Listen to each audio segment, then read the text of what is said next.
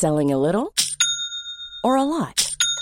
Shopify helps you do your thing however you cha-ching. Shopify is the global commerce platform that helps you sell at every stage of your business. From the launch your online shop stage to the first real life store stage, all the way to the did we just hit a million orders stage. Shopify is there to help you grow. Shopify helps you turn browsers into buyers with the internet's best converting checkout. 36% better on average compared to other leading commerce platforms because businesses that grow grow with Shopify. Get a $1 per month trial period at shopify.com/work. shopify.com/work. Hey, I'm Ryan Reynolds. At Mint Mobile, we like to do the opposite of what Big Wireless does. They charge you a lot, we charge you a little. So naturally, when they announced they'd be raising their prices due to inflation, we decided to deflate our prices due to not hating you. That's right. We're cutting the price of Mint Unlimited from $30 a month to just $15 a month. Give it a try at mintmobile.com slash switch. $45 upfront for three months plus taxes and fees. Promo rate for new customers for limited time. Unlimited more than 40 gigabytes per month. Slows. Full terms at mintmobile.com. Millions of people have lost weight with personalized plans from Noom, like Evan, who can't stand salads and still lost 50 pounds. Salads, generally, for most people, are the easy button, right? For me, that wasn't an option. I never really was a salad guy. That's just not who I am. But Noom worked for me. Get your personalized plan today at Noom.com. Real Noom user compensated to provide their story. In four weeks, the typical Noom user can expect to lose one to two pounds per week. Individual results may vary. Kjære lyttere av Becoming, vi har en fantastisk nyhet. Som store fans av bøker innen livsmestring, så har vi lenge savna en helt spesiell bok på markedet. Som samler alle verktøy innen livsmestring. Den boka som tar avanserte konsepter og gjør de enkle å forstå. I fjor satt meg og Isabel og sammenligna bøkene vi har lest. Vi skrev en liste og endte opp med en liste på nesten 100 av de mest leste bøkene på verdensbasis innen livsmestring. Med denne lista foran oss så ble det så klart. Vi må nødt til å samle sammen all den informasjonen og skrive vår egen bok. Spol fram ett år frem i tid, og vi kan nå stolt annonsere at boka 'Bedre på livet' kommer på salg fra og med januar, og du kan forhåndskjøpe den allerede i dag. For mange av oss har det middelmådig. Vi gjør det vi må, og ikke det vi vil. Og ofte vet vi ikke engang hva det er vi faktisk vil med det livet vi er blitt tildelt. I denne podkasten har vi det siste året delt våre erfaringer med personlig utvikling, en reise som gjort at begge har klart å erstatte tankekjør og uro med både indre ro og følelsen av å være til stede. Vi har på ett år radikalt endret livet vårt, og alle verktøyene vi har brukt, har vi nå samlet i boken vår Bedre på livet. I denne nye boka vår så får du altså konkrete verktøy og øvelse, og en skikkelig innsikt i hvordan du selv kan gå fra å ha det sånn helt ok, til å ha det helt fantastisk. Dette er den boka du starter med, og dette er den boka du slutter med. Vi vil tørre å påstå og si at dette er den boka du trenger for å lære alt du trenger for å ha det skikkelig bra. I Bedre på livet gjør vi det enkelt for deg. Vi har tatt avanserte konsepter og teorier og forenklet de, og lagt til gode eksempler. Vi deler bredt om egne opp- og nedturer, og gir deg den kunnskapen du trenger for å bli bedre på livet. Spar penger ved å forhåndskjøpe boka i dag. Søk opp Bedre på livet på ark.no for å forhåndskjøpe boken vår. Kjøper du den i dag, kan du til og med få en signert kopi. Og den vil være i posten din første uken i januar.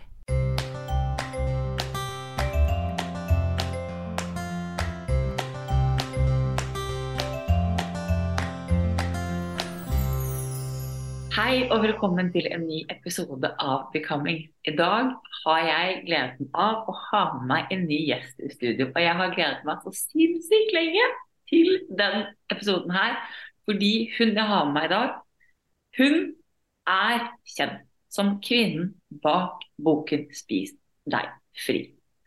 Hun har endret livet sitt ved å ta tak i kostholdet sitt og nå jobber hun for å hjelpe andre mennesker med å gjøre akkurat det samme. Hun er journalist, hun er gründer, hun er coach. Hun heter Irina Lie og driver Spis deg fri. Velkommen til studio, Irina. Tusen takk. Det var for, altså jeg, jeg merker jeg ble litt sånn, uh, litt sånn berørt når jeg hørte denne fine introen. Så tusen, tusen takk for å få være med. Vi, jeg traff jo deg i Spania. Da jeg var i Spania ja. med Belinda i ja, men Det er en vill historie. Den må vi også snakke litt om. ja. Mm. Hvor eh, det viser at du er i Spania for å hente en hund. Besøkte en hund. Du besøkte en hund. Og så har Belinda har jo snakket om deg i veldig lang tid. for Hun er veldig fan av ditt arbeid med Spis deg fri. Hvor du faktisk bruker mat som et verktøy i personlig livsmestring. Og så tenkte jeg vet du hva, vi må møte Rina. Jeg har lyst til å få ansiktet her. Hvem er du? Hvordan? Så da ender vi opp å møtes på en Starbucks i Alicante. Det var veldig morsomt, fordi jeg skulle jo egentlig, egentlig til Mallorca den uken jeg hadde sammen med en venninne. Og så skjedde det noe på hennes kant som gjorde at ikke hun kunne reise. Og så hoppet jeg på en impulsiv tur til Alicante istedenfor, for jeg skulle ned og hilse på en hund. Som, eh, det var da tidspunktet jeg tenkte at, jeg ha, at vi, familien skulle ha valp. Og så får jeg da en melding fra Belinda, eller hun har tagget meg et Instagram-innlegg. Og så melder jeg litt med Belinda, og så viser det seg at dere var i ikke i Alicante, men rett i nabolaget. Albir. Mm. Ja, ikke sant? Og så bare Ja, men jeg er, jeg er jo i Alicante, jeg òg. Så ja, da møtes vi og, og, tar en prat. Og det var jo helt fantastisk. Det var i januar. Så dette året har liksom vært sånn Og takket være liksom den kaffepraten, så har jeg Altså, jeg har altså fulgt dere begge to i sosiale medier og podkasten. Lært masse om hvordan eh, altså Jeg skulle ønske at Belinda jeg skulle ønske at jeg hadde tatt et sånt før- og etterbilde av, av vinduskarmen min hjemme. Eh, etter at eh, Belinda kom inn i livet mitt. For nå er det grønt og frodig. Og jeg, altså jeg har en Monstera som Belinda ville ha gitt meg tommel opp på. Så jeg er skikkelig stolt. Å, så gøy. Men kan ikke du fortelle litt til lytterne om hvem, hvem er Irina, og hva inspirerte deg til liksom å ta tak i ditt liv? Jo, eh, hvor mye tid har vi, holdt jeg på å si. jeg har jo Altså, jeg, jeg, er blitt 46 år. Har alltid på en måte det som har vært min hva skal vi si, rettesnor i livet, er at det, det der synes jeg hørtes spennende ut. Hva er det? Jeg har vært sånn supernysgjerrig, da. Um, hvorfor er det sånn? Hva er det som er rundt neste sving? Hva skjer hvis jeg gjør det? Og med den nysgjerrigheten så var det bare én ting jeg kunne bli når jeg ble stor, og det var jo øh, journalist. Faktisk så har jeg sett sånne minnebøker som jeg skrev da jeg var åtte og ni og ti år gammel. Så hva skal du bli når du blir stor? Så var det enten lege eller journalist. Det var de to tingene jeg hadde så øverst på ønskelisten. Uh, og så ble jeg journalist, og da ser jeg jo, etter å ha jobbet med helse, økonomi, politikk, utenriks, nyheter, eh, egentlig jobbet med alt bortsett fra sport, så skjønner jeg at det er så mye kunnskap som svirrer rundt som folk flest ikke har peiling på. Og det på en måte i, i, Som journalist så får man jo muligheten til å spre kunnskap som folk ellers ikke har. Eh, så jeg hadde en fantastisk karriere som journalist. Har jobbet i alle de store mediene. VG, TV 2, Bergens Tidende.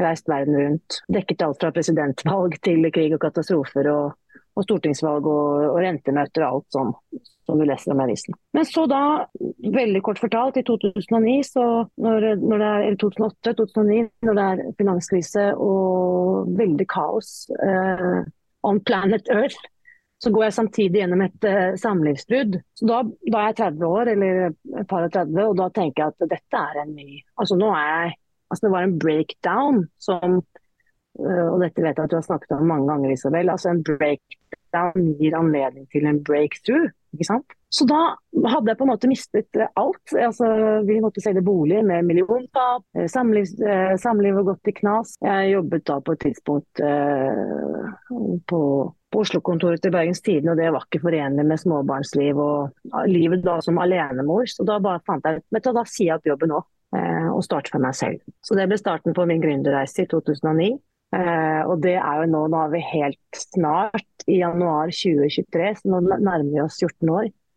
Eh, 13 år har vi hatt nå da, med gründerliv. Og det som er så kult med å være gründer, er at oi, det der har jeg aldri gjort før, hvordan skal jeg få til det? Og så får jeg til et eller annet, lage min egen nettside f.eks. Oi sann, det, det, var litt spennende. Oi, eh, nå må jeg pitche meg selv til et konsept, for det er en kontrakt jeg ønsker å ha. Og så oi, det fikk jeg. Og så når jeg fikk liksom disse bitte små mestringsopplevelsene, så turte jeg da plutselig å gjøre, ta på meg større oppdrag. Eh, sette meg mer hårete mål. Da. Men jeg turte jo ikke det med en gang. Men så har jeg på en måte bygget da, eh, lag på lag på lag, stein på stein, skritt for skritt. Gjennom 13-14 år, som gjør at jeg i dag har en ganske eh, en omfattende virksomhet, eh, for å si det sånn. Med flere ansatte og, og mye prosjekter både her og der. Men det viktigste er at jeg fortsatt drives av den der eh, nysgjerrigheten, som var det som fikk meg i gang. Eh, og at det skal være lystbetont. Jeg har jobbet så mange år i mediebransjen og tatt på meg så mange oppgaver som ikke har vært lystbetont. Så når jeg sa opp, så bestemte jeg meg for jeg skal aldri mer gjøre noe som jeg ikke har lyst til. Det har jo ikke helt blitt sånn, da, men det er i hvert fall det som var utgangspunktet mitt. Uh, så det var liksom business-siden. Og så var det da helsesiden. Jeg kan godt si noen ord om, om det også. For du er jo egentlig ansiktet til Spis deg fri. Ja, og det er jo veldig komisk. Det er jo egentlig helt urkomisk. Fordi eh, jeg hadde jo alt på stell. Eh, kjempebra jobb og etter hvert en fantastisk både eh, eks, altså, Jeg og eksen har en fantastisk relasjon, så jeg føler jo at jeg har fått en bonusfamilie. Eh, alt var på stell sånn sosialt, økonomisk. Hadde stasjonsvogn. Eh, men én ting var ikke på plass, og det var jo kroppen og helsen og vekten min. For jeg har vært overvektig siden altså, jeg tenker siden jeg var ti. Jeg var sannsynligvis ikke overvektig da jeg var ti, men inni mitt hode så var jeg veldig veldig tjukk. Så jeg har prøvd ulike slankekurer da, siden jeg var ti. Så, og sånn holder jeg på. Og, og høsten 2015, da nærmer jeg meg 40 år. Jeg fyller 40 år noen måneder senere, og da tenker jeg sånn Nei, det er liksom nå eller aldri. Jeg, jeg følte at jeg sto ved et veikryss. Eh, veiskille. Skal jeg enten nå gi opp og bare tenke at eh, jeg kaster en håndkleet og om, omfavner body positivism og at jeg er bra som jeg er og det er helt OK å være trippel XL og sånn. Og kategori fedme, eller skal jeg rett og slett liksom gjøre ett siste forsøk? Eh, jeg hadde da nettopp fullført et halvmaraton i København og trodde at hvis jeg løp 100 km i uken at jeg ville gå ned i vekt, men du gjør jo ikke det. Liksom. Det hjelper ikke det heller. Så jeg var det amerikanerne kaller fit but fat. Eh, det er jo litt sånn brutal sannhet. Jeg var kjempegodt trent, hadde ikke noe helseplager, men jeg var tjukk, jeg var overvektig og også kategorien fedme. Så kom jeg da over en video på Facebook. Et videointervju med en professor i psykologi som heter Susan Pierce Thompson. Og hun sier at den største feilen folk gjør når de forsøker å gå ned i vekt, er å trene. Og da bare tenkte jeg liksom OK, slipp alt jeg har i hendene, dette må jeg få med meg. Dette budskapet er til meg. Så da satt jeg klistret i mange timer den kvelden. Jeg søkte opp alt jeg kunne finne med hun dama.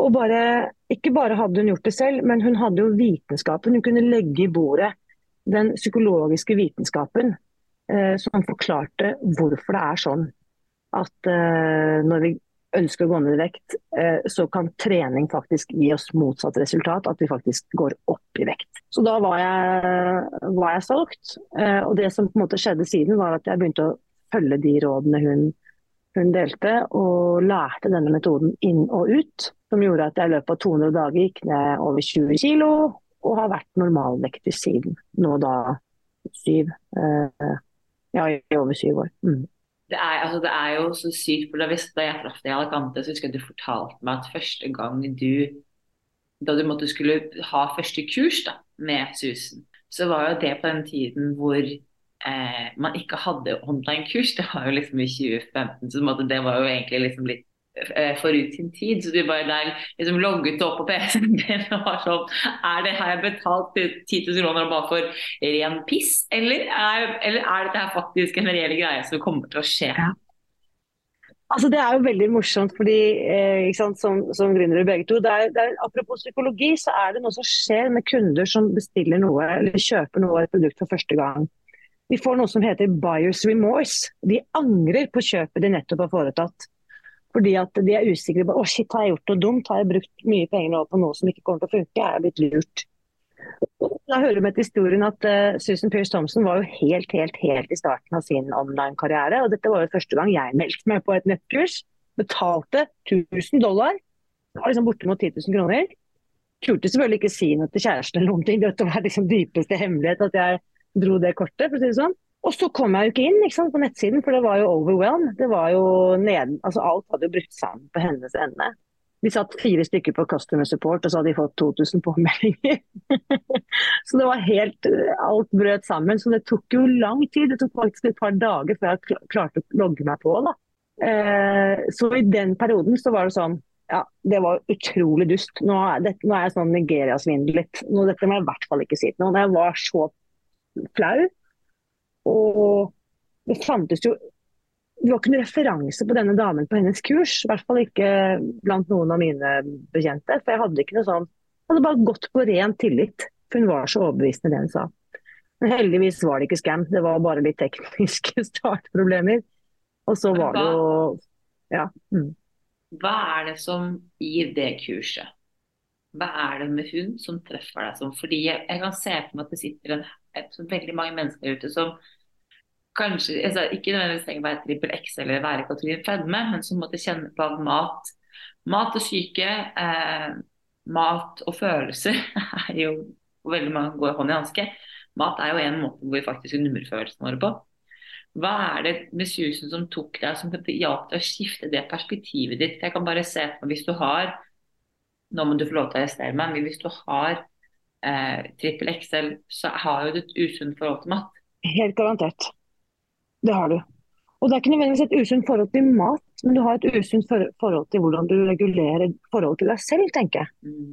Um, og det er veldig bra du sier det med at det er ikke alle For jeg trodde jo at alle som slanker seg eller endrer kostholdet er motivert av vekten en gang, men da har jeg tatt skammelig feil. Så jeg har jo lært ekstremt mye. Etter først å gjøre det selv, Min ene og alene motivasjon var å gå ned i vekt. Eh, men så har jeg lært etter å ha gjort det for, for, min egen del, og ikke minst også veiledet etter hvert hundrevis og sikkert tusenvis av andre, det er jo bare toppen av isfjellet.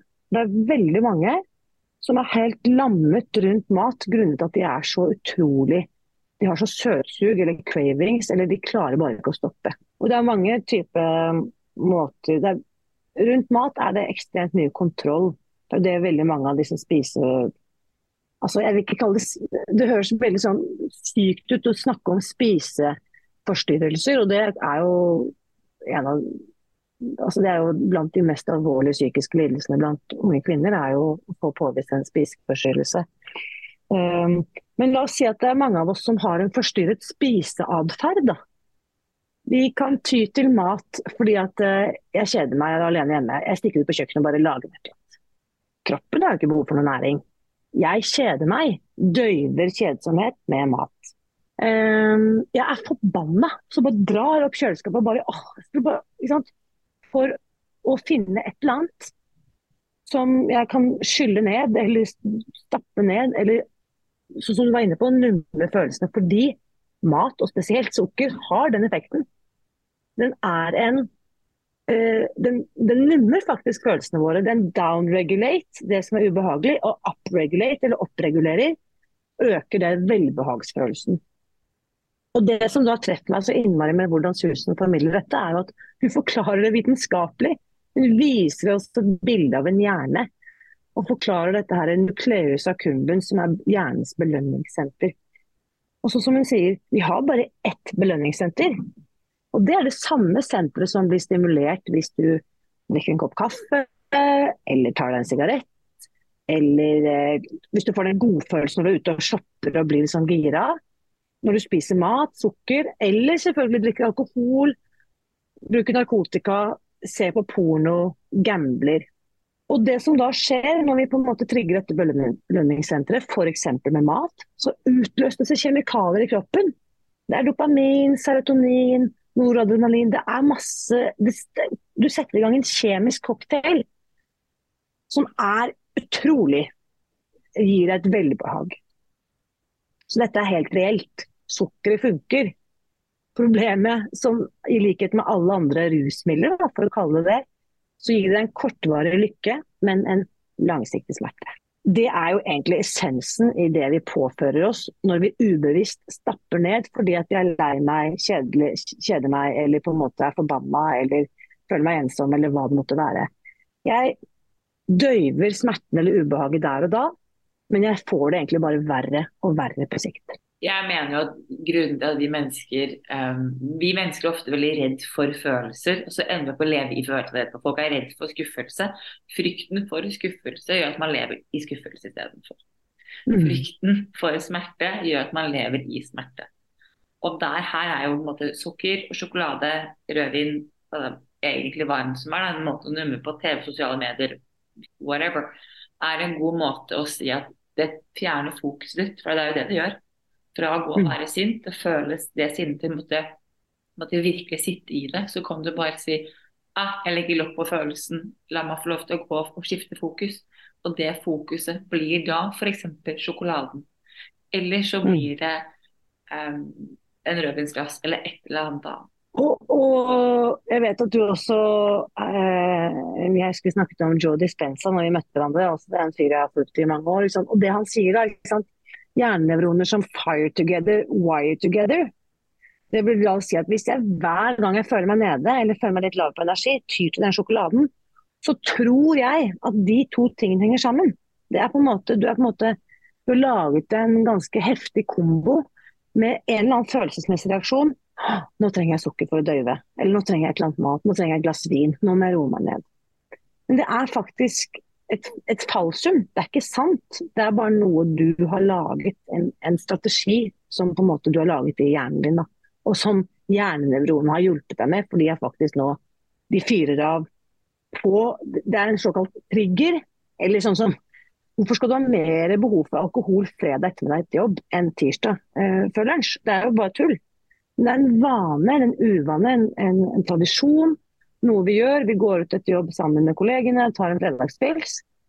Nå er det helg, nå kan vi slappe av. Men hadde du gått ut og tatt den, eh, det glasset og fylt opp det glasset med eplejus eller Farris eller uh, melk, for den, for den saks skyld, så hadde det melkeglasset i sollyset fredag ettermiddag gitt deg en like stor velbehagsfølelse som det alkoholglasset. Fordi at det er bare assosiasjonene våre og triggerne vi setter i gang, også i kroppen vår. Så Det som er den gode nyheten, er at vi kan jo endre disse triggerne ved å bygge nye vaner. Og Det er jo det vi holder på med i Spis deg fri, hvor vi bygger nye vaner rundt det å håndtere følelser, rundt det å spise måltider, rundt det å kose oss, rundt det å på en måte ha markere enten festligheter eller nedturer. Eh, det er der vi på en måte tar bedre vare på oss selv. Da. Og det er egentlig en fantastisk god overgang, fordi julen er jo nærmer seg med stormskritt. Og når julen nærmer seg, så vet alle at rett bak, og det er på et blunk, altså, så kommer mm. januar. Og januar er jo den måneden i året hvor folk snakker aller mest om livsstilsendring. Hvor folk skal måte, starte en ny start, frisk prisstart. Hvor folk på en måte skal renses av dette julefettet enn man har gjort i julen, og faktisk starte på nytt hva er det Hvor ofte Nei, la meg se hvordan jeg stiller spørsmål på riktig måte. Hva er din opplevelse med 1.1. som sånn startmåte? Altså, hvordan funker det? Har du tro på det som en At det er godt nok til å starte? Til å være en starter? Altså, det, er jo, det er jo et kjempegodt spørsmål, fordi at her finnes det også forskning. Og the science of timing det er skrevet en, en, en, bok også eh, av eh, Daniel Pinkett som heter 'Time'. Og Da ser vi på designs of timing. og Hvorfor har vi behov for å starte den første i måneden? Hvorfor har mandager en spesiell på en måte eh, klang i ørene våre? Liksom, ny start, ny uke. Hvorfor er det så mange som fullfører, sånn som meg selv, og jeg fullførte en slankekur før jeg fylte 40. Vi har en deadline. og det tallet, den den tirsdagen i mars hvor jeg ble 40. Det, det var jo ikke noe annerledes enn alle andre tirsdager. Men det er et eller annet vi, vi tillegger verdi, da. Symbolsk verdi til sånne spesielle datoer og tidspunkt og, og dager. Og det, der i den forbindelse er jo 1.1 uh, en sånn Det er jo den som stikker seg mest ut i kalenderen, uh, uansett om man har noen ambisjoner om å gå ned i vekt eller ikke, eller endre kosthold. Og jeg tenker begge deler. Jeg tenker nå vet jeg jo at veldig mange La oss si at noen hører dette da, lille julaften, da, eller eh, midt i romjulen, eller 28.12. Og da, Det som er gøy å, å, spørre om da, er rett og slett hvorfor vente til 1.1? Hvorfor ikke bare starte nå, når du hører dette? Hvis du vet at du er motivert for å ta tak, så vil jeg jo bare gjøre det nå. Og det er noe med det. Jeg har en uh, fantastisk eh, kollega nå, faktisk. Hun har gått på kurs tidligere. Eh, men hun fortalte når hun var kursdeltaker at det at hun hadde startet 28.12. Bare det overfor i møte med seg selv gjorde at hun skjønte at dette var noe helt annet enn det hun hadde prøvd tidligere. Fordi Det vitenskapen også viser, er at de som starter 1.1, har faktisk dårligere odds for å lykkes. Det høres jo veldig brutalt ut. Da kan man jo si at det handler også om at man har veldig mye data om de som har nyttårsforsetter. Etter seks uker har jeg vet ikke, 97% sluttet. Så hvis man på en måte skal beat the odds, så er det faktisk bedre å starte mandag 2.1.2023 eller eh, en eller annen tirsdag i romjulen eller torsdag eller fredag kveld eller hva som helst. Nettopp fordi at da har du brutt ut av et eller annet sånn som hjernen din tror den vet hva som skjer videre. Du på en måte, du lager sånn disruptive effekt. Hvor da skjønner hjernen at her må jeg pay attention, this is something else. Her er det noe helt nytt som skjer. Så jeg håper ikke at jeg har liksom demotivert noen fra å starte 1.1, for hvis dette er dagen du har bestemt deg for, så for all del, sett i gang. Men jeg vil også bare oppmuntre og, og spørre deg, still deg selv spørsmålet hva om jeg starter i dag? Og det er, fantastisk, det er et fantastisk spørsmål. Da lurer jeg på. Fordi min erfaring er at det finnes en haug av fordommer mot det å skulle starte på altså et, et konsept. Altså det å snakke om mat. Mat er så enormt betent og latent for mennesker, for det er som du sier, assosiert med kos. Det er så mye mat, spesielt under jul. Og det da å f.eks. si nei til om det er alkohol, eller om det er mat, dessert, må det veldig ofte ha en grunn. Og det er min opplevelse at det finnes veldig mange fordommer rundt det å si at jeg går på diett, eller jeg holder på med et kurs i spiser fri, kutter sukker, kutter, mel, altså kutter sukker, kutter hva enn du har lyst til å kutte, mel. Hva og så på en måte ender man opp med at og så er man så redd for å gå tilbake, så man ender på skamspising. Jeg har veldig lyst til å snakke om skamspising etterpå, jeg tror det er en sånn egen greie. Men aller først, hva fordommer mot det å liksom ta, gjøre disse endringene? Yes. Her har jeg, eh, jeg sier dette veldig ofte, du trenger aldri å forklare eller forsvare de valgene du tar. Nei takk, eventuelt, hvis du vil være høflig. Nei eller nei takk, det er en fullverdig setning. Og det kan faktisk gjentas. Ja, vil du ha litt uh, Kan jeg gi deg litt påfyll? Nei takk. Jeg er sikker på at du ikke skal ha litt mer. Du, ikke, du, har jo spist så lite, vil du ikke ha mer? Ellers takk. Takk skal du ha. Og hvis du på en måte bare gjentar det, eh, så vil jo på en måte vedkommende som står og pusher deg til å ta noe du egentlig ikke vil ha, på et eller annet tidspunkt vil vedkommende gi seg. Eh, derimot, hvis du er sånn Å, sorry, ass, jeg kan ikke fordi at åh, Du skjønner, jeg holder på med sånn opplegg. Så da er du på en måte en forsvarer og forklarer situasjonen, og du har egentlig bare invitert vedkommende til å lene seg enda eh, lenger frem og pushe på. Så Det handler litt om å liksom stå opp i seg selv og sette litt tydelige grenser. Og Så kan du egentlig bare tenke ja, men det har jeg aldri gjort før, det er ubehagelig. Ja, OK. Men da er jo dette er kjempeviktig data, og som vi på en måte må bare bli kjent med. Greit. Så svigermor sine nybakte sirupsnipper er sirupsnipper er viktigere at jeg, enn at jeg skal føle meg bra. Jeg setter svigermors velbehag foran min egen helse. Er det det jeg holder på med da? Og Hvis jeg på en måte begynner å bli klar over hvorfor jeg takker ja, eller hvorfor jeg syns det er vanskelig å si nei, så er det det jeg kan jobbe med. Så fra utsiden så ser kanskje Spis deg fri ut som nok en slankekur. Det det egentlig er, det kan jeg jo ikke si så veldig høyt, det er mellom deg og meg, Isabel. Men det det egentlig er Bare deg og meg. ikke sant?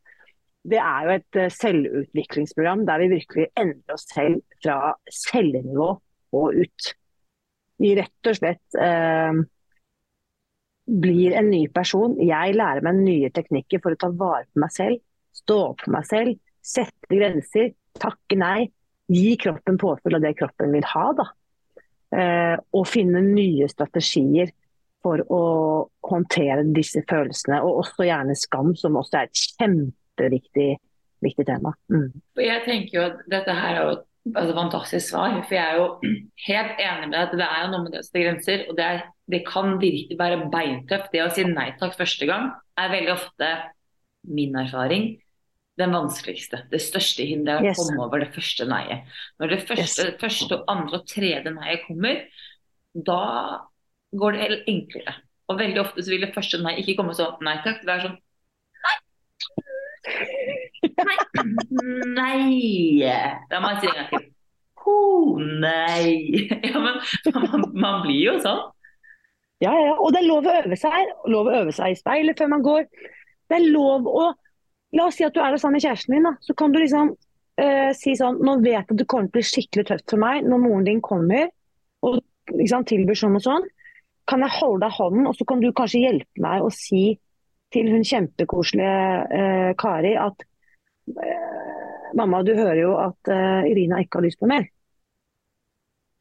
Det er lov å alliere seg med noen, det er lov å be om hjelp, det er lov å snakke om det i forkant.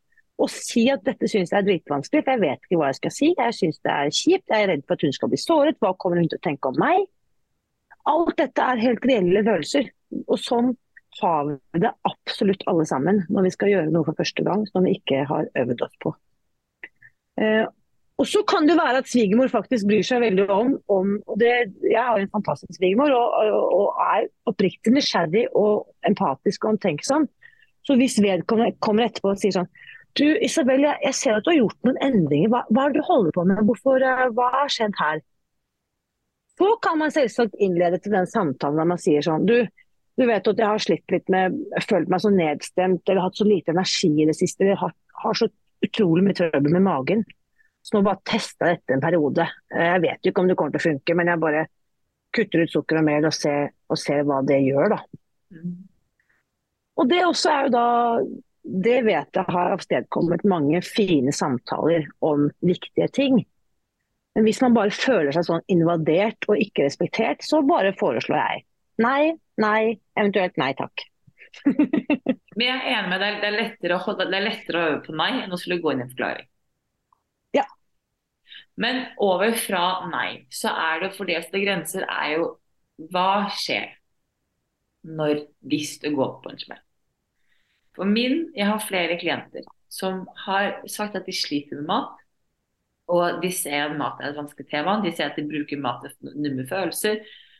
Um, og det er mat er måte blitt deres trøst. De har en dårlig dag, så går de til matskuffen. Um, og så som de selv sier at hvis jeg får ta én bit sjokolade på morgenen, da er den dagen ødelagt. Og Yes. fremfor å hente seg selv inn igjen, for det er sånn alt eller ingenting man mente det, så går de og kjøper to plater sjokoladebutikk på etterpå, og så gafler det i seg. Hva vil du si til de? Altså, hva? Yes, det, er så, det er så bra. Uh, og her må vi bare, igjen da, vi må bare skille liksom, og dette gjelder jo lytterne dine òg, ikke sant. Og her må jeg bare støtte meg på den forskningen som psykologer har gjort. Nemlig at det er ikke sånn at maten eller rusmidler av annen type påvirker oss likt. Noen av oss, og her er det rundt regnet 30% er såkalt more susceptible. Mer mottagelig eller disponert for avhengighet. Og der er det anslått 30% Og de 30 er også selvfølgelig i varierende grad. Jeg har, jeg har det- ord jeg liker, og det er sårbarhet. Det snakkes om. Så Det snakkes Sårbarhet. Om i, det snakkes om i, fra da jeg jobbet på DPS-et, så snakkes det om om du, om du har sårbarhet bl.a. for psykose, for avhengighet, for disse tingene her. Og Jeg liker ikke godt det ordet sårbarhet, fordi du vet ikke om, om den ligger latent. Men yes. ja, det er bare et ord. Jo, det, det, det, er faktisk eh, Jeg brukte lang tid, og jeg øve, det her var jo veldig bra. Jeg, jeg, når vi oversatte boken til Tusen og ga den ut på norsk, da under tittelen 'Spis deg fri', da, så brukte vi mye tid. Og jeg hadde jo med meg fantastiske psykologer som fagkonsulenter òg. Og vi disponerte for sårbarhet, eh, mottagelighet, eh, susceptibility. Så alt dette. Eh, sårbarhet er egentlig et kjempebra begrep. Så du vet egentlig ikke hvor hvor sårbar du er i møte med enkelte rusmidler. Men mange av oss, og jeg er blant dem, jeg vet at jeg blir hekta på alt. Jeg flyttet på hybel i Bergen eh, etter gymnaset og bodde for meg selv. Og ble altså hekta på Tetris. Jeg satt altså til langt på natt, det er jo helt pinlig å si høyt, men, og det var sånn jeg, jeg, bare klarte ikke, for jeg måtte liksom bare Det der dataspillet, og det var sånn svart-hvitt på en urgammel Mac. Det var jo ikke noe sånn Men nå er det hun eh, tidligere statsministeren har alltid holdt på med Candy Crush, ikke sant. Det er så mange ting, det er så, det er så mye sånne eh, belønningstriggere i sånne dataspill som gjør at vi, noen av oss kan bli hekta.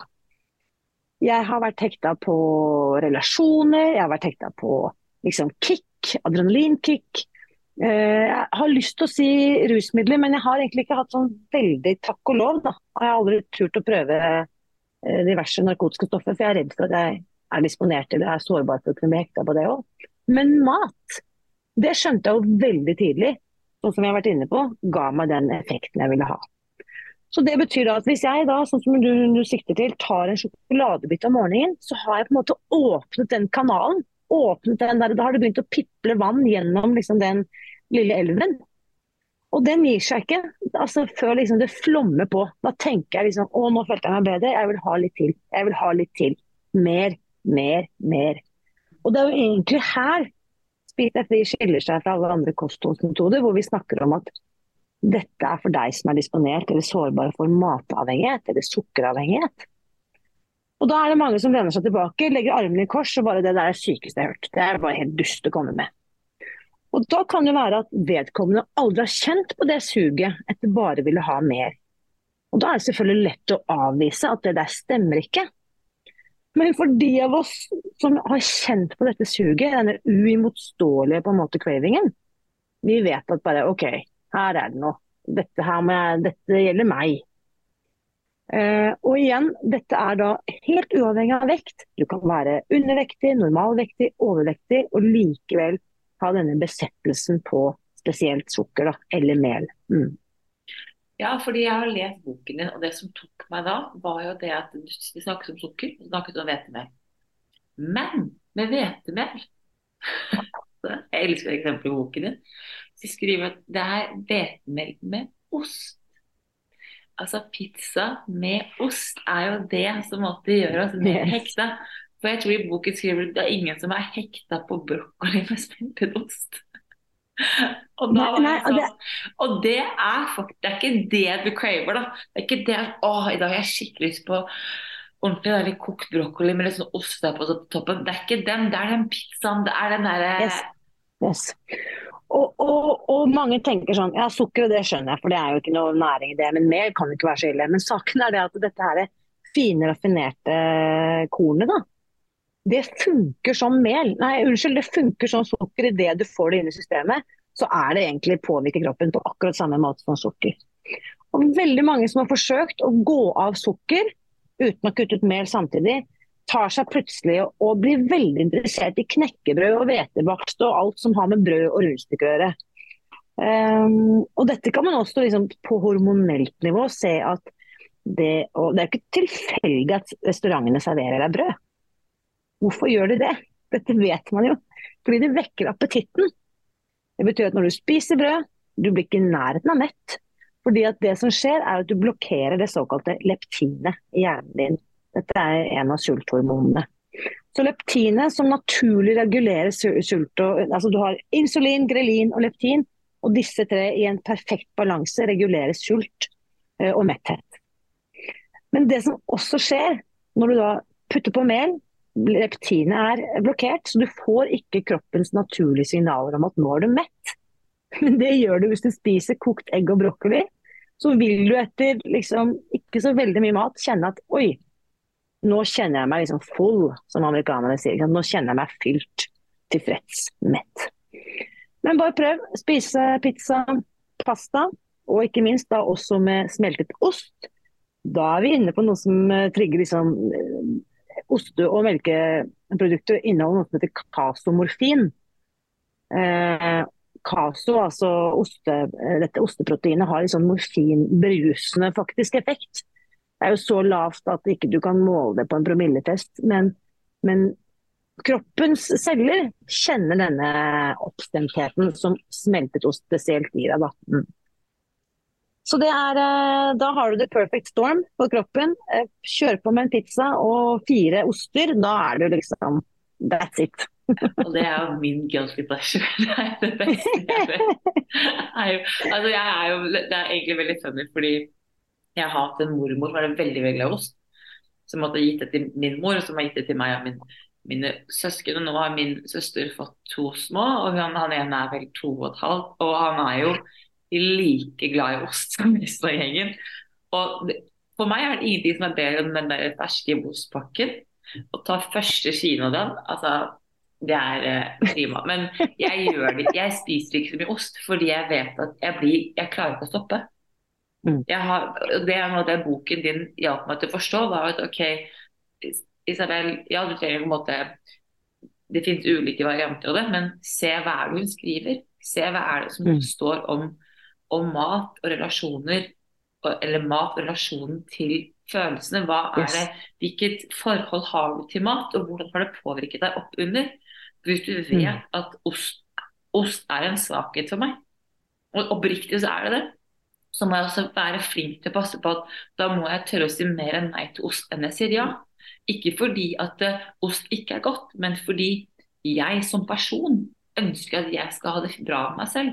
Og for mye ost, det bor i kroppen din. Jo, og det, og det er kjempebra at du sier, for dette, dette endrer seg også litt over tid. F.eks. i, i Spis deg fri så sier vi at du skal kutte ut sukker og mel. All annen mat er innafor. Så vi kan spise ost.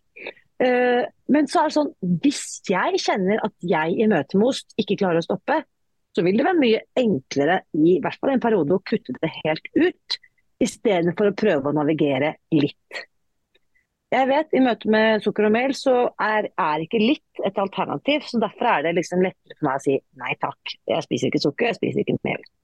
Når det gjelder ost, så har jeg liksom, søsteren min er gift med en franskmann, og jeg noterer meg alltid når jeg er på besøk hos dem.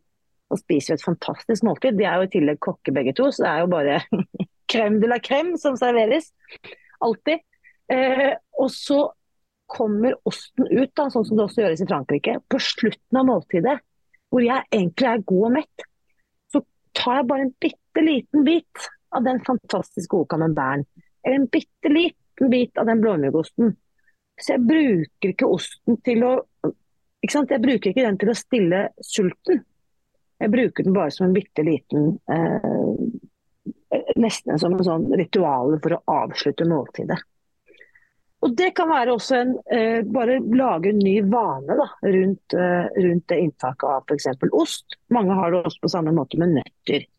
Da er det greit å bare ha noen klare regler for når jeg skal, skal og ikke skal spise ost eller nøtter.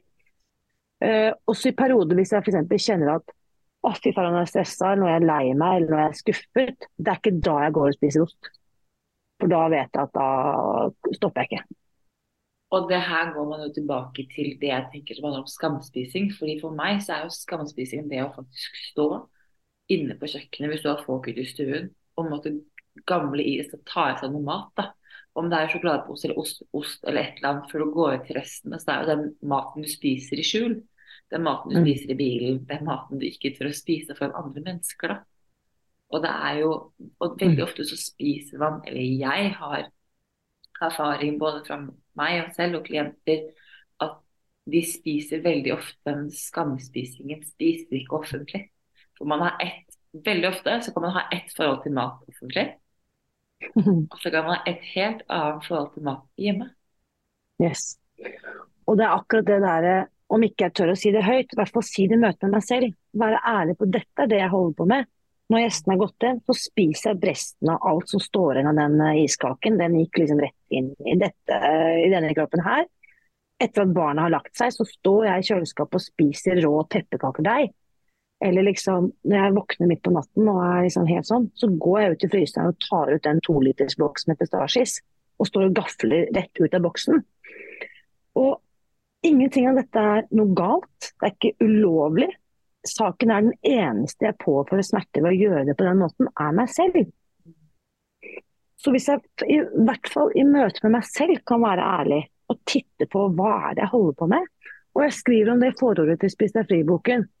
Eh, Du kan godt liksom si at det å kutte ut sukker og mel er ekstremt. Det er helt OK. Men gjerne det. Men hadde du visst hvordan jeg holdt på, denne skamspisingen da. Hvis du visste og så meg hvordan jeg holdt på før jeg valgte å ta disse grepene i livet mitt, Det vil jeg kalle det ekstremt. Å gå på butikken og kjøpe en, en pakke med vaniljesaus uten planer om å lage en dessert eller servere noe til gjester som kommer, fordi jeg har planer om å drikke den vaniljesausen selv. Det kaller jeg ekstremt. Heldigvis, da, så er jeg ikke den eneste som har hatt det sånn. Det var bare da jeg hørte liksom Susan Pearce Thompson si at hun hadde lagd en kakerøre uten planer om å bake en kake, for at hun skulle spise den røren. Ja, Isabel der løfter opp en hånd her på Zoom. Hvis du hører denne podkasten, så rekk opp en hånd hvis du også har rørt sammen en kakerøre eller liksom lagd en kake der uten planer om å steke eller bake noe kake, men fordi du skal ha den rå deigen. Og da kan du lure på hva er det den deigen? Jo, det er sukker og mel. De stoffene som gjør at vi på en måte kjenner på dette kortsiktige løftet, men som gjør oss, som føler oss i hvert fall for meg til å føle meg så dritt og skamfull eh, og sliten og deprimert etterpå. Ja, for det, det er jo, altså, Hvis du skal tenke, se bort fra mat, da. Se bort fra sukker, se bort fra det, men så ser du kun på det faktum som du snakket om, Peter, om den belønningssystemet så har jo jeg tidligere i en episode snakket om Andrew Haberman, som er en, han er en nerveforsker, bor i California, nei, jeg jobber på Stanford, veldig kjent. Han snakker om dopamin og dopaminutløsning, og det faktum at det er I dag så blir vi stimulert for mye av dopamin. Mm. At vi, vi blir på en måte overstimulert, vi kan bli stimulert gjennom sosiale medier, gjennom mat gjennom hele tiden å få samsyntrykk. At vi hele altså vi, er over, vi, har, vi er på en dopamin-high. Og vi er meningen at vi skal gå opp og ned.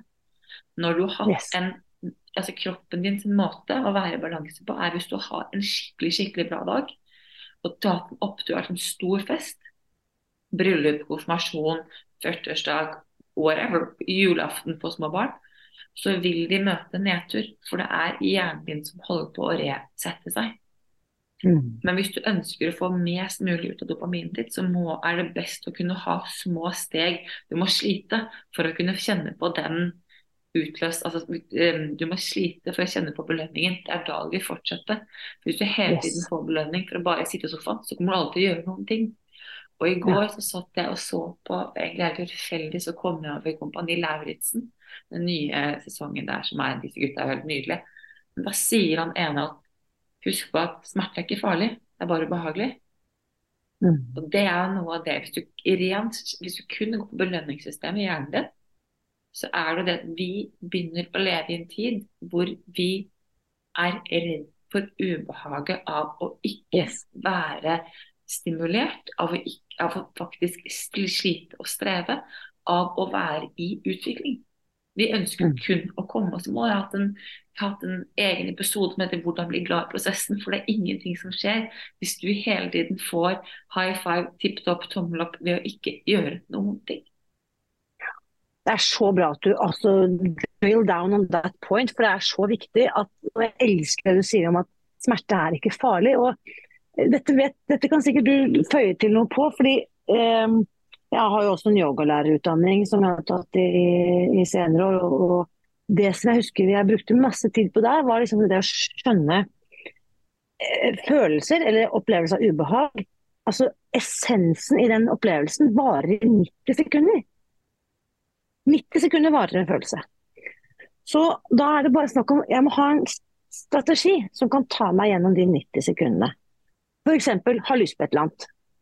OK, da må jeg bare holde meg fast i bordkanten. Da, og bare, greit, da skal jeg gå ut på kjøkkenet om 90 sekunder, men akkurat her og nå så skal jeg bare telle baklengs fra 90. Eller gjør whatever you need altså for å holde deg selv okkupert i 90 sekunder. Og det som er etterpå, så sier det, det stemmer ikke. Det er jo fem år siden mannen min forlot meg, og jeg er fortsatt oppløst i smerte. Det er ikke sant. Det er fordi at du går tilbake til tanken og marinerer den. Og fortsetter å tenke og, og tvile og synes synd på deg selv. Du på en måte bærer kull til det bålet. Men tanken i seg selv, sorgen, smerten, tapet, den skyller gjennom deg egentlig bare 90 sekunders bolker. Så da er på en måte oppgaven min hva kan jeg gjøre i de 90 sekundene? Og Der finnes det f.eks. fantastiske pusteteknikker, man kan bruke mantraer, man kan bruke affirmasjoner. Man kan alliere seg med kjæresten sin eller datteren sin eller mammaen sin og si at når, jeg, når dette kommer over meg, så kommer jeg til å ringe deg. Eller jeg kommer til å sende en tekstmelding og si at i løpet av de neste 90 sekundene så skal jeg ikke gå på kjøkkenet. Altså, gjør whatever it takes til å bare holde deg liksom på den smale sti gjennom de neste 90 sekundene. Det Her vil jeg faktisk anbefale, vi har snakket om det før i podcasten, det er Marissa Peer, verdenskjent hypnotisør, lærte meg ordet 'jeg velger'. Fordi hvis du sier 'ikke', så går du kan fort gå i krig med hjernen. Men hvis du bruker ordet 'jeg velger', Mm. så kan du si rett og slett sånn 90 sekunder, du er keen på sjokolade som du vet er på kjøkkenet. 90 sekunder så er du her. Jeg velger å være her på bordet mitt fordi jeg vet at den personen jeg har lyst til å bli om seks måneder, den personen jeg vil se i speilet i juni 2023, hun er viktigere for meg enn den sjokoladebiten. Derfor velger jeg å bli sittende her nå Yes. og ri den følelsen. Jeg vet også at hver gang jeg rir den følelsen her, så blir jeg bedre på å sitte i følelsen. Jeg, Yes. altså, det å sitte og forklare deg selv hvorfor du gjør som du gjør, bli bevisst over hvorfor du tar det valget som du gjør, og gi deg selv grunnen til det med 'dette er målet mitt', da tror jeg, min erfaring er at OK, da begynner vi å snakke. Da er det ikke én gang, det er ikke én kamp. Det er ikke meg mot sjokoladen, nei. Det er meg mot målet mitt. Jeg er på vei et annet Yes. sted. Og eh, i forlengelsen av det, siden vi nå, sant, for de som tenker da, La oss si at eh, du har bestemt deg for å starte 1. januar. da. En ting jeg virkelig vil anbefale, det er å ta en grundig titt i kjøkkenskapene. Og ta vekk de tingene du ikke trenger. For det er mye lettere å motstå den sjokoladen som ligger og roper på deg, hvis den ikke finnes der. Da er det ingen sjokolade som roper. Så eh, når du på en måte har bestemt deg, så bare fjerner du det. Gjør det gjerne til et ritual og ta farvel. Og det er lov å kjenne sorg, det er lov å kjenne frykt. Det er lov å kjenne at eh, herregud, dette har jeg brukt hundrevis av kroner på, og dette har jeg kastet penger rett ut av vinduet. Det er en bedre investering for deg å ta det ut. Du trenger ikke nødvendigvis kaste det, men gi det til søsteren din som fortsatt eh, spiser sukker og mel, eller eh, donere det til en veldeder. Altså, det er mange som trenger Og, og, og jeg, jeg er jo veldig på en måte, hva kan vi kalle det, libertarianer. Jeg tenker at alle skal få lov til å gjøre sine valg. Det inkluderer mine barn. Så de tar valg som jeg ikke tar for min egen del. Jeg må bare tåle det, da. Så vi har jo vi har ikke veldig mye, men vi har sukker og mel hjemme i skapene i ulike varianter. Så, så jeg fikser det helt bra. Men hvis du har anledning til det, og kjenner at du trenger litt sånn ekstra commitment eller forpliktelse, så er det en god idé å bare bære ut de bæreposene med de tingene du nå eh, ikke ønsker lenger. Ja, og jeg tenker at det er en, Dette her er en veldig fin måte å avslutte på. For jeg har lyst til å avslutte med noe som jeg tror du er veldig god på. Det er nemlig spille deg selv god. For det tenker jeg er et fantastisk vinkel å ta inn. Skal du ta mat, skal du ta forholdet til mat. Du jobber med forholdet til mat. Så vil er selvfølgelig anbefalt for å spise deg fri, men hvis du har lyst til å jobbe med det, så er det hvordan kan du spille deg selv god. Hvilke grep Yes. kan du ta som gjør som sier, å tømme kjøkkenet, som tar hvor du faktisk kan kjenne på at dette får jeg til, jeg mestrer det. Mm. For mestringsfølelse tenker jeg er så viktig. Yes, og det, det er um, Altså, jeg tror rett og slett det å uh, før denne, eller mens du hører på denne episoden, hvis du har et speil i nærheten, og bare uh, gå til et speil og se meg selv i øynene og si at jeg vil ta bedre vare på deg. Så enkelt. Jeg er den viktigste personen i mitt liv, og jeg sier det ofte høyt. Og jeg sier det i møte med barna mine, jeg sier det i møte med kjæresten min. Jeg er den viktigste personen i mitt liv, og den jobben tar jeg på alvor. Eh, og til mange som har barn som sier sånn, jeg kan jo ikke det, jeg har barn og sånn, så sier jeg ofte at eh, dette hørte jeg på en fantastisk podkast en gang. Hvis du vil at barna dine skal ha det bra, så ta godt vare på mammaen deres. Åh! Den er så sterk. og det er, Jeg går for gåsehud hver gang jeg sier det. Ja. Eh, og hvis ikke du har barn, så tenker jeg at du, vi har jo alle med oss våre indre barn, som vi også trenger å ta godt vare på. Så hvis du vil at du selv og dine barn skal ha det bra, så ta godt vare på mammaen deres. Mm. Så tenker jeg at hvis du har lyst til å faktisk ha et bedre 2023 enn 2022, så kjenne på at ting er kjipt, du kjenner på at det er noe i den podkasten her som berører meg, det er noe av det Irina sier som jeg kjenner på at jeg kanskje ikke er du en trippel XL, men du kjenner på at du har et usunt forhold til mat. Sjekk ut tør å være nysgjerrig, tør å se hva som er der ute. Tør å se Kanskje det hadde vært fint med mer kunnskap, med mer informasjon og lære. Jeg kommer til å linke til alt som har med Irina og spise fri Så dere kan finne henne der. Vi, altså, uavhengig om du kutter sukker og hvete helt, om du blir mer bevisst, det å lære seg hvordan mat påvirker psyken, tenker jeg er et av de beste verktøyene du kan ta i personlig utvikling. Tusen takk, Isabel, og takk for at uh, både du og Belinda er så flinke til å spre så mye motivasjon og inspirasjon og glede og viktig, viktig kunnskap. Så tusen, tusen takk. Jeg fortsetter å høre på dere. Oh, takk, Liva. Takk for at du ville være med, Irina. Tusen takk. takk Ha det. Ever catch yourself eating the same flavorless dinner three days in a row? Dreaming of something better? Well, HelloFresh is your guilt-free dream come true, baby. It's me, Gigi Palmer. Let's wake up those taste buds with hot, juicy pecan crusted chicken or garlic butter shrimp scampi. Mm. Hello Fresh. Stop dreaming of all the delicious possibilities and dig in at HelloFresh.com. Let's get this dinner party started. Imagine the softest sheets you've ever felt. Now imagine them getting even softer over time. That's what you'll feel with Bowl and Branch's organic cotton sheets. In a recent customer survey, 96% replied that Bowl and Branch sheets get softer with every wash. Start getting your best night's sleep in these sheets that get softer and softer for years to come. Try their sheets with a 30-night guarantee. Plus, get 15% off your first order at bowlandbranch.com. Code BUTTERY. Exclusions apply. See site for details.